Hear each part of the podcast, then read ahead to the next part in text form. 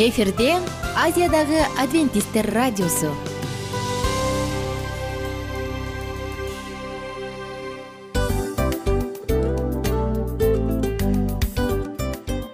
Достор салют. Баардык сүйүктүү угармандарыбызга салам айтабыз. Кутман күнүңүздөр менен. Ден соолук өмүрдүн булагы демекчи саламат саамы программасында баарыңыздарды көргөнүбүзгө абдан кубанычтабыз. Анда алгач амандашып өтөлү арбаңыздар деп. Ден соолугуңуздар кандай элибизде көбүнчө ден соолук кандай дегенде эле жакшы деп жооп беребиз э ооруп турсак дагы жакшы дейбиз. Анан мен муну айтып ойлойт элем бул абдан сонун сөз депчи анткени бул жакшы деген үмүт да э баары жакшы болот. Баары сонун. Деп үмүттөнүп атып эле өзүбүздү өзүбүз дарылап коебуз. Анысы кандай? Сиздин дагы ден соолугуңуз жакшы беш деген үмүттөбүз чындыгында ден соолук бул өмүрдүн булагы деп бекеринен айтылган эмес деп ойлойм. Кыргыз элинде анткени эгерде ден соолук жок болсо анда адамдын жашоосунда калган баардык керектүү маңыздуу нерселер өзүнүн баалуулугун жоготуп коет. Ошондуктан ден соолук бул эң керектүү нерсе. Ооба туура айтасың кесиптешим. Чынында ден соолугуң жок бир эки үч күн ооруп калсаң эле э кандай болуп калат? Жашоодо көз каранды болуп каласың көп нерсеге жетишпей каласың көп нерсени кыла албай каласың жада калса эчке дүкөнгө да чыга албай каласың. Туптуура анан ден соолук болсо демек биз биздин бактыбыз тоодой деп койсок болот. Анда достор саламат саамы рубрикабызды баштайлы. Алдыда өзүңүзгө керектүү болгон сонун кеңештерди уга аласыздар. Мына ошондуктан биз менен бирге болуңуздар. Ал эми биз болсо милан жана айнура. Кеттик алга. Алга саламат саама ден соолуктун жарчысы. Саламат саама ден соолуктун ачкычы. Күн сайын сиз үчүн мыкты кеңештер сонун жаңылыктар кызыктуу фактылар биздин рубрикада.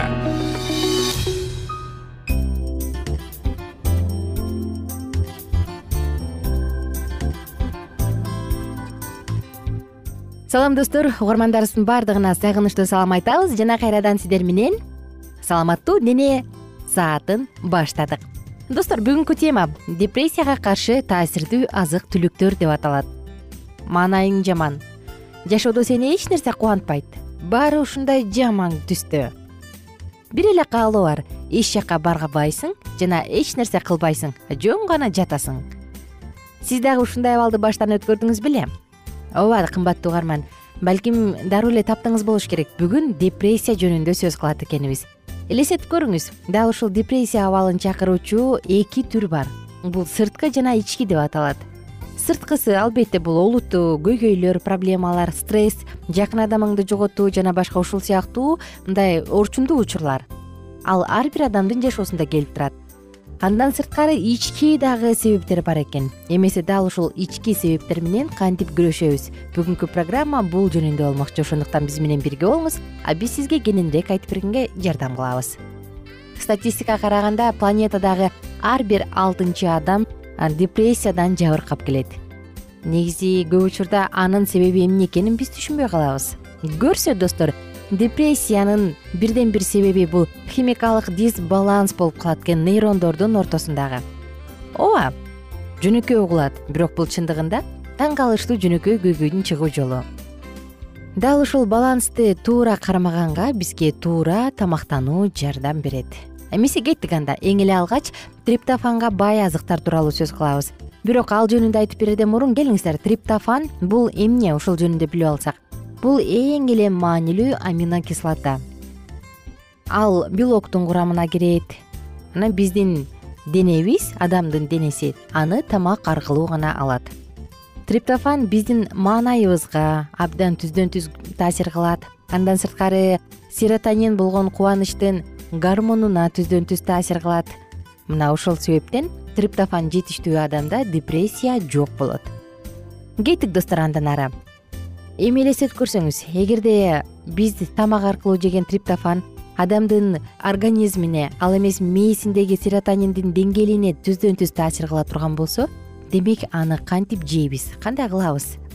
Чындыгында триптофан серотониндин полуфабрикаты жарым фабрикаты сыяктуу керек эмес. Э ал жалпы өзүнөн өзү эле триптофан жалгыз деле адамды уйкусуздуктан арылтат чыңал нервдик чыңалуусунан арылтат адамдын кыжырдануусун төмөндөтөт депрессия менен күрөшөт жана жумушка болгон жөндөмүн жогорулатат.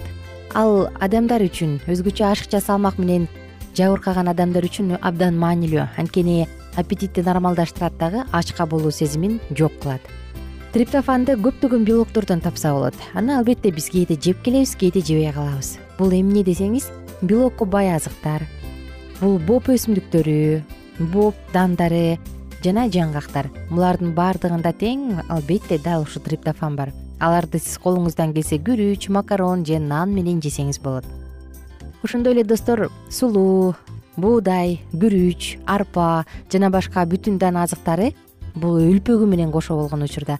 Булар дагы мээнин иштешине жакшы өзүнүн салымын кошот. Анткени аларды кайра сиңириш үчүн үч сааттан беш саатка чейин убакыт керек. Ал эми алар сиңип жаткан учурда мээге глюкоза үзгүлтүксүз келип турат.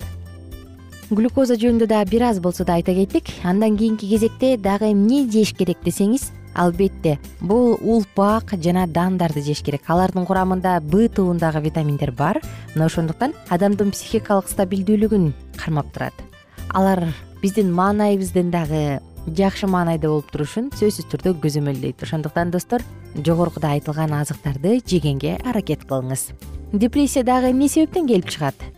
Эгерде биздин рациондо омега үч май кислоталары жок болсо мында депрессия өөрчүйт ошондуктан бристольск университетинин окумуштуулары дагы сонун нерсени алып чыккан. Эгер адам өзгөчө терең депрессияда болсо омега үч кислотасын көбүрөөк жесин дейт. Ал эмнеде бар майда балыкта бар. Зыгырдын майында грек жаңгагында жана сояда эң эле көп өлчөмдө. Канчалык өлчөмдө жеш керек деген суроо туулат сөзсүз түрдө. Омега үч бул эң эле маанилүү бөлүгү болгон альфа линоль кислотасы. Кичинекей бала үчүн ноль бүтүн ондон тогуз грамм жетиштүү ал эми чоң эркек адам үчүн бир бүтүн ондон алты грамм жетиштүү бир күндүк учуру.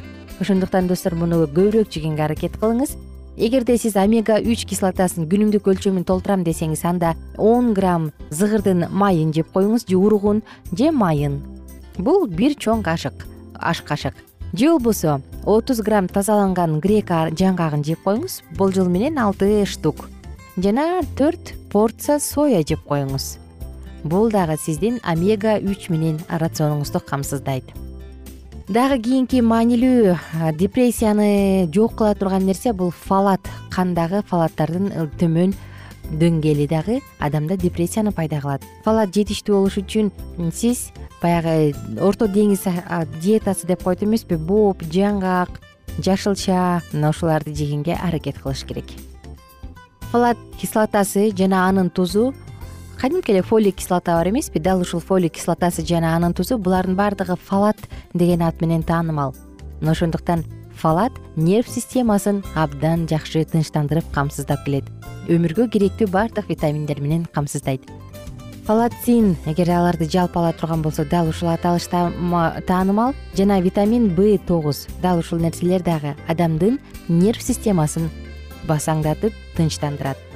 Достор тилекке каршы убактыбыз өтө аз калды. Фалатты кайсындан алам десеңиз боп өсүмдүктөрүнөн жашылча жемиштерден жана жаңгактардан жаңы мөмө жемиштерден жеңиз. Бир миллиграмм бир күндүк доза. Ошондуктан бир миллиграмм болсо дагы тияктан бул жактан ал жактан кылып таап коюңуз. Жыйынтыгында эмне дейбиз достор? Гамбургер картошка фрини жакшы көргөн адамдарда дал ушундай психикалык расстройство психикалык бузулуу элүү бир пайызга көп экен. Ошондуктан эмнени жеп жатасыз? Кандай тамактанып жатасыз ага көңүл буруп өзүңүздүн саламаттыгыңыз үчүн кам көрүңүз. Угармандарыбыздын баардыгына кааларыбыз депрессия эмне экенин эч качан билбеңиздер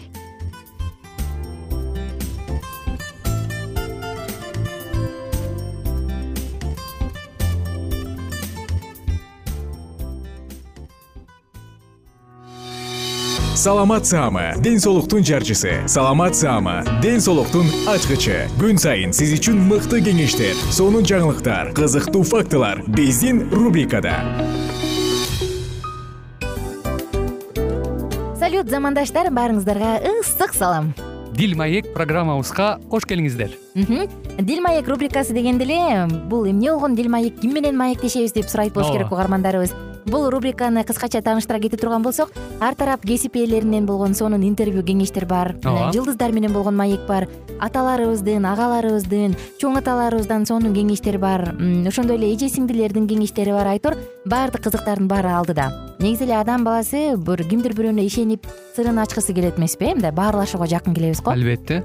Негизи бир жерге отуруп алып кенен шашпай баягы жүрөктөн жүрөккө ачып сырларыбызды ар кандай көйгөйлөрүбүз менен бөлүшүп баягы чын жүрөктөн маек курганды кимибиз сүйбөйбүз э? Ооба десең ал нерсеге суусап да келебиз да? Ооба кээ бирде адамга чындыгында баягы э, ысык маек баягы жылуу маек жетишпейт да. Ошондуктан биз ушул рубриканы ойлоп тапканыбызда эң биринчи эле достор сиздер менен чын жүрөктөн бир маңыздуу темаларды козгоп кеткени э, кааладык. Ошондуктан ушундай сонун бир рубриканы тартуулап жатабыз. Анын үстүнө радио дагы сонун дос да анткени э, мындай учурда досуңа айтсаң досуң досуна айтат досу досуна айтат да анан бүт өлкө билип калышы мүмкүн го. А радио болсо сени сатпаган сенин айыбыңды ачпаган сенин сырыңды эч кимге айтпаган сонун дос мына ошондуктан биздин алдыдагы айта турган кеңештерибизди биздин досторубуздун кеңештерин угуп анан ал жака пикириңизди дагы калтырып кайрадан биз менен байланышсаңыздар болот. Деги эле жашооңузга эгерде кичине болсо дагы өзгөрүү алып моралдык жактан нравовик жактан сонун бир кеңештерди алсаңыз демек биз максатыбызга жеттик. Ооба. Чыңгыз атабыз улуу жазуучу э, чыңгыз айтматов айткандай адам болуу бул күнүмдүк процесс экен. Күн сайын адам бойдон калуу бул адамзатка эң эле кыйын дейт э? э эң кыйын дейт. Чындыгында бунун э, негизинде адамдын эң баягы сапаттуулугу адамдын адамгерчилиги жана көптөгөн керектүү нерселер мына ошол темалар дагы бизде ушул дил маекте биз аларды да козгойбуз. Ден соолук жөнүндө да сүйлөшөбүз. Сөзсүз түрдө анан милан мырза негизи айтып коюшат го. Биз көбүнчө эмнени ойлонсок? Ошол нерсеге карата иш кылабыз го. Ооба. Анан анысы кандай? Балким бул радио баракчада кимдир бирөөнүн оюн текшергенге жардам берет кимдир бирөөнүн жүрөгүн текшергенге жардам берет. Балким кимдир бирөөгө жашоонун маңызын тапканга жардам берет айтор кызыктын баары алдыда бул жөн гана кыскача жарнама анда угармандарыбыздын баардыгын кийинки рубрикабызга чакырабыз. Ал эми кызматта маңдайымда отурган кесиптешим милан жана мен айнура. Анда эмесе биз даярдаган терең терең ойлор менен таанышууга кеттик. Алыс алыс баралык. Анда эмесе достор биз менен бирге болуңуздар. Алдыда эң кызыктуу маалыматтардын баардыгы бир нече мүнөттөр бою жалгыз гана сизге арналат. Мына ошондуктан жакшы маанай менен угууну каалайбыз. Үн алышканча. Жөнөдүк. Ар түрдүү ардактуу кесип ээлеринен алтын сөздөр жүрөк ачышкан сыр чачышкан сонун маек дил маек рубрикасында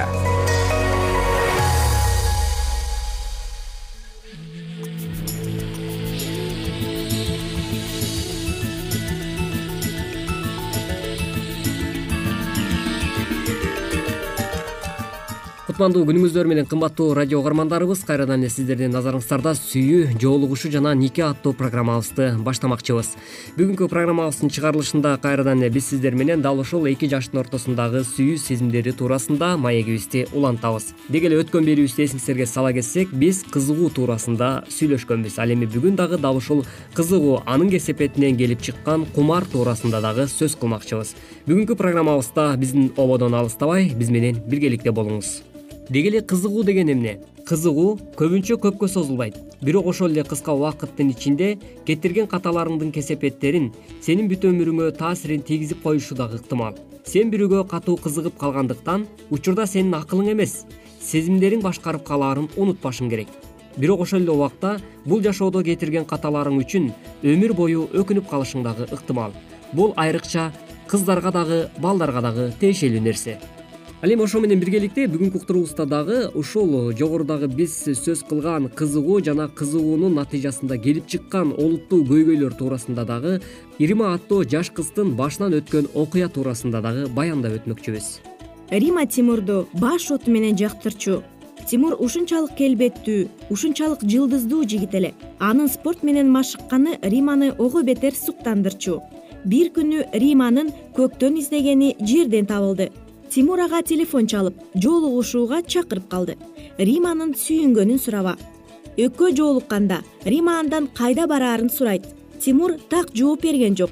Экөө ээн жерге келишкенде тимур риманы сүйө тургандыгын айтат. Бир аздан кийин анын мамилеси чектен ашып бара жатканын байкаса да рима ага эч нерсе дебейт. Ал өзүнчө бир аз мага таажрыйба зыян болбойт деп ойлойт бирок ал ошол мамиледе бир аз таажрыйбанын аягын чоң нерсеге айланып кетээрин билген жок. Кийин рима көз жаш төгүп өзүнүн окуясын айтып берди. Бул ушунчалык жийиркеничтүү эле. Мен аябай коркуп кеттим. Эч нерсе сезген жокмун. Бирөө келип бизди көрүп калса эмне болот деп ойлодум мен үчүн эч кандай мааниси жок. Мени менен иши болбогон жигитке эң кымбат нерсемди тебелеп тепсөөгө берип салганым үчүн өзүмдү жек көрүп көйнөгүмдү кийгенге шаштым. Ошондой эле кумар деген эмне. Кумар бул жыныстык каалоону канааттандырууга умтулуу. Кумар көпчүлүк учурда сүйүү деген аттын артында жашынат. Бирок кумар менен сүйүү эки башка нерсе. Кумар өзүмчүл ар дайым өзүнүн кызыкчылыгын гана издейт. Ал эми мунун кесепети кандай болсо ошондой болсун. Бирок менин каалоом сөзсүз аткарылышы керек деп дагы талап кылып келет. Ал эми чыныгы сүйүү болсо өзүнүкүн издебейт ал берет. Сүйүү болсо өзүңдүн сүйүктүүңдүн жакшы болушуна умтулат сүйүү болсо күтүүгө даяр. Чыныгы сүйүү ыңгайлуу шартты жана убакытты күткөнгө даяр болуп саналат. Ошентип биз дагы бир окуя туурасында дагы айтып өтсөк. Дүйнөнүн тарыхында кумар менен сүйүүнүн мисалдары бар. Мисалы ыйык жазуулардын биринде дөөт падышанын уулу амон өзүнүн аталаш карындашына кызыгып калат. Ал аны ушунчалык катуу эңсегендиктен ооруп калат. Анын бузулган досторунун бирөө тамарды кантип алдап аны менен жыныстык байланышта болуунун жолдорун сунуш кылат. Анан андан кийин окуя эмне болду? Амон өзүнүн максатына жеткен соң тамарга болгон сүйүүсү жок болуп кетти. Бул жөн гана кумардануу болчу. Ошондой эле башка бир мисалды карап көрөлү. Тарыхтын дагы бир баракчаларында жакып менен рахилдин сүйүүсү тууралуу айтылат. Жакып рахилди үйлөнүш үчүн анын атасына жети жыл кызмат кылууга мажбур болгон ал рахилди чындап сүйгөндүктөн күтүүгө даяр болчу. Ал күткөн жети жыл ага бир нече күндөй эле көрүндү. Анткени ал аны чындап сүйчү. Ошентип биз эки жаштын ортосундагы мамиле жыныстык тартылууга алып барган деген сөзгө токтолуп өтсөк. Жыныстык тартылуу бул кыз жигиттердин ортосундагы табигый тартылуу. Биз жаратуучу тарабынан ушундай жаратылгандыктан бири бирибизге тартылып турабыз мында негизинен жаман эч нерсе деле жок. Болгону жараткан жаратуучубуз кудай бизди ушундай кылып жараткан. Биз жыныстык каалоолорубузду туура эмес жолдор менен гана канааттандырууга аракеттенгенде гана бул албетте кудай алдында күнөө болуп саналат. Кимдир бирөөгө карата жыныстык тартылууну сезүү аны сүйүү дегенди эч убакта билдирбейт. Мисалга алсак жигит татынакай кыздарды көргөндө көздөрү балбылдай түшөт. Ал эми кыздар болсо сымбаты келишкен спортсменди көргөндө жүрөгү батыраак сого баштайт. Бул сүйүүбү? Албетте жок. Бул жигит менен кыздын ортосундагы жөн гана тартылуу. Жыныстык тартылуу. Бул башкача айтканда сүйүү эмес экендигин албетте унутпооңуз зарыл. Үй бүлөлүк жашоодо бул маанилүү орунду ээлегени менен. Бирок үй бүлө жалгыз эле ушул нерсеге негизделбейт эмеспи ал эми бүгүнкү учурда айрым бир жаштар үй бүлө курганга чейин жыныстык тартылууда туруштук бере албаган миңдеген жубайларды дагы кездештирүүгө болот. Бирок алар үй бүлө курган соң чыныгы никенин даамын татпай калышат. Ал эми чыныгы сүйүү деген эмне? Чыныгы сүйүүнүн көптөгөн касиети бар. Сүйүүдө табигый тартылуунун сыйкырдуу керемети бар. Бирок чыныгы сүйүү мындан да көбүрөөк нерсени билдирет. Сүйүү достуктан өсүп чыгат. Чыныгы сүйүүдө сен адамды толугу менен жактырасың. Ар дайым аны менен бирге болуп кайгы менен кубанычын тең бөлүшүп келесиң. Ошондой эле чыныгы сүйүү деген эмне. Чыныгы сүйүү деген өзүнүкүн издебейт. Ал чыныгы сүйгөн адамы үчүн баардык нерсени курмандыкка чалганга дагы даяр.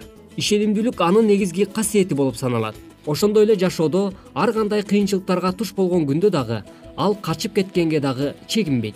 Башкача айтканда жеңилип дагы калбайт. Чыныгы сүйүү сенин баардык жакшы сапаттарыңдын ачылышына жардам берет сени сүйгөн адам сени менен сыймыктанышын каалайсың. Кызыгуу учурунда сен асманда учуп эч нерсе менен ишиң болбой калат. Ал эми чыныгы сүйүү келгенде иштен качпай тескерисинче келечек тууралуу ойлонуп даярдык көрө баштайсың. Кымбаттуу угармандар бүгүнкү уктуруубузда дагы биз сиздер менен чыныгы сүйүүнүн башкача айтканда кызыгуу же болбосо кумар деген эмне. Ушул туурасындагы окуялар туурасында биз сиздер менен кыскача бөлүшүп өттүк. Бүгүнкү уктурууга назар салганыңыздар үчүн чоң рахмат. Ушун менен биздин убакыт соңуна келип жетти. Эмки уктурууларыбыздан угушканча сак саламатта болуңуздар. Ар түрдүү ардактуу кесип ээлеринен алтын сөздөр жүрөк ачышкан сыр чачышкан сонун маек дил маек рубрикасында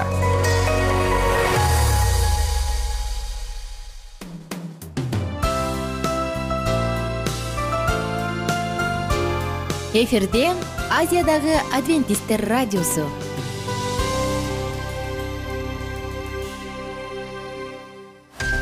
Жан дүйнөңдү байыткан жүрөгүңдү азыктанткан жашооңо маңыз тартуулаган жан азык рубрикасы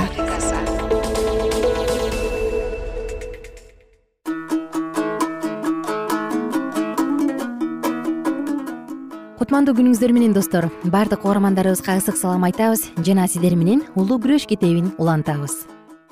Түгөл ааламга боору ооругандыктан кудай акыры анын ырайымынан баш тарткан адамдарды биротоло жок кылат. Анткени күнөө үчүн жаза өлүм. Ал эми кудайдын белеги биздин теңирибиз ыйса машаяктагы түбөлүктүү өмүр римдиктер алты жыйырма үч. Түбөлүк өмүр адилеттүүлөрдүн энчиси боло турган болсо өлүм адилетсиз адамдардын ала турган үлүшү муса пайгамбар ызрайыл элине мындай деп айткан. Мына мен силерге бүгүн өмүр менен жакшылыкты өлүм менен жамандыкты сунуш кылдым бешинчи муса китеби отузунчу бап он бешинчи аят. Бул жердеги айтылып жаткан өлүм адамдын энчисине берилген өлүм эмес. Анткени түгөл адамзат өз мыйзамсыздыгынын жазасын алып жатат. Бул жерде айтылган түбөлүк өмүр менен карама каршы коюлган экинчи өлүм. Адам атанын күнөөсүнүн айынан түгөл адам тукуму өлө турган болуп калышкан. Баардыгы бирдей эле мүрзөгө барат. Бирок башка жагынан куткарып алуу планы ошол мүрзөдөн куткарылуу алып берет. Өлгөндөрдүн адилеттүүлөрдүн жана адилетсиздердин тирилүүсү болот. Адам атада баары өлгөн ыйса машаякта баардыгы тирилүү алышат деп жазылган биринчи корунтуктар он бешинчи бап жыйырма экинчи аятта. Бирок тириле турган ушул эки топтун ортосунда чек коюлган. Мүрзөлөр ичинде жаткандардын баары кудай уулунун үнүн уга турган мезгил келет жана жакшылык кылгандар өмүргө тирилишет жамандык кылгандар болсо айыпталуу үчүн тирилишет. Жакан беш жыйырма сегиз. Биринчи тирилүүгө катышкан адамдар бактылуу жана касиеттүү. Алардын үстүнөн экинчи өлүм бийлик кыла албайт. Аян жыйырманчы бап алтынчы аят бирок ким тобо келтирип жана ишеним аркылуу кечирим албаган болсо өз мыйзамсыздыгы үчүн жазаланышы керек. Анткени күнөө үчүн жаза өлүм. Алар узактыгы жана татаалдыгы боюнча өз жасаган иштерине жараша ар кандай жаза алышат. Андан кийин аларга экинчи өлүм келет.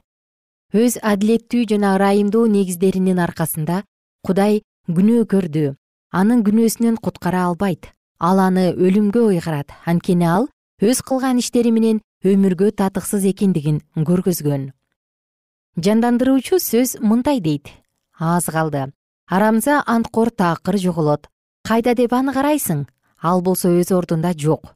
Жана алар такыр болбогон сыяктанышат. Адилетсиздик жана уят менен алар курчалгандыктан түбөлүктүү өлүмгө ыйгарылат күнөө өзүнүн баардык кайгылары жана азаптары менен мына ушундайча акырына чыгат. Забурда мындай деп жазылган. Бутбараска каның кайнады. Ыймансыздарды жайладың. Алардын атын кылымдан кылымга эстегис кылып өчүрүп салдың. Душмандын куралы калбай калды. Шаарларын талкаладың. Алар эстен чыгып жер менен жексен болду жакан аян алганда түбөлүктүү өмүрдөгү ырдалып жаткан ырдын бирде кубулжуган гана добушун уккан асманда жана жердеги бүт жаратылгандар кудайга даңк айтып жатышты. Бул мезгилде кудайга акарат келтирип озондогон тозоктун отунда кыйналган куткарылган адамдардын ырларына жолтоо болгон бир дагы жан болбойт. Адамдын жанынын өлбөй тургандыгы жөнүндөгү окутуу адамдардын өлгөндөн кийин акыл эсин жоготпой тургандыгын билдирген. Бул болсо ыйык жазуунун окутууларына каршы келет бул көпчүлүккө таанымал болгон окутуу боюнча асмандагы куткарылган адамдар жерде болуп жаткан нерселердин бардыгына өзгөчө өздөрүнүн жакындарынын жана досторунун жашоосуна көз салып турат. Бирок асманда куткарылган адамдар өз жакындарынын кыйналып жапа чеккендерин алардын жасап жаткан күнөөлөрүн кайгырууларын көрүшүп өздөрүн бактылуу эсептешеби. Бул окутуу жан адамды таштап кетери менен тобо келтирбеген адамдар тозоктун отунда кыйналып куйкалана берет деген жийиркеничтүүлүгү менен туура эмес болуп саналат. Өз жолдоштору өлүмгө даярданбагандыктан аларды тозоктун оту күтүп жаткандыгын карап тургандардын жаны канчалыктуу кайгыга толуп жатат болду экен. Ушундай жанды туталанткан ойлорго баткан көп сандаган адамдар акылынан ажырап калышкан бул суроолор туурасында ыйык жазуу эмне деп жооп берет болду экен. Дөөт пайгамбар адам өлгөндөн кийин өз акылын жоготуп кое тургандыгын айткан. Анын руху чыгат жана ал өз топурагына кайтат. Ал күнү анын бардык ойлогон ойлору жок болот. Деп жазылган забур китеби жүз кырк бешинчи бап төртүнчү аятта. Сулайман пайгамбар дагы ушул ойду бекемдеп мындай деп айткан. Жана алардын сүйүүсү да алардын жек көрүүсү да алардын демилгеси да жок болот. Мындан ары жер үстүндө болуп жаткандардын бардыгына алар катышпайт. Сен колуңдан келген кыла турган иштериңди алыңдын жетишинче жаса анткени сен бара турган мүрзөдө жумуш жок ой жүгүртүү да билим да акылмандуулук дагы жок. Качан езекия падыша сыйынганда жана анын сыйынуусуна жооп берилип анын өмүрү дагы он беш жылга уланганда падыша ыраазычылык билдирип кудайга анын ырайымдуулугу үчүн даңктап мындай деп айткан. Сени тозок даңктабайт ажал сени мактабайт сенин акыйкатыңан мүрзөдө жаткандар үмүт кылбайт. Азыркы мен сыяктуу тирүү жан гана сени даңктайт. Азыркы таанымал болгон окутуулар өлгөн адилеттүүлөр азыр асманда кудайды даңктап жатышат дешет бирок эзекия өлүмдөн мындай жакшы ийгилик көргөн эмес. Анын айткан сөздөрү дөөт пайгамбардын төмөнкү сөздөрүнө дал келет. Өлүмдө сен жөнүндө ойлонуу жок. Мүрзөдө сени ким даңктайт теңирде өлгөндөр жана мүрзөдө жаткандардын бардыгы даңктай алышпайт. Забур алтынчы бап алтынчы аят жүз он үчүнчү бап жыйырма бешинчи аятта ушундай сөздөр жазылган. Элчи петр элүүнчү күнү ыйык рух түшкөндө мындай деген дөөт пайгамбар өлдү жана анын мүрзөсү азыркы күнгө чейин бизде турат. Анткени дөөт асманга көтөрүлгөн эмес. Элчилердин иштери экинчи бап жыйырма тогузунчу отуз төртүнчү аяттар. Дөөт падыша мүрзөдө калган жана бул өлгөн адилеттүүлөр азыр асманга көтөрүлө электигин билдирет.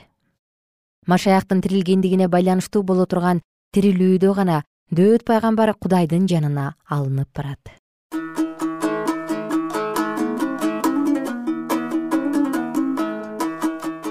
достор. Уктуруубузду кийинкиде улантабыз. Биз менен бирге болуңуздар. Жалпыңыздарга көңүлдүү күн. Бар болуңуздар.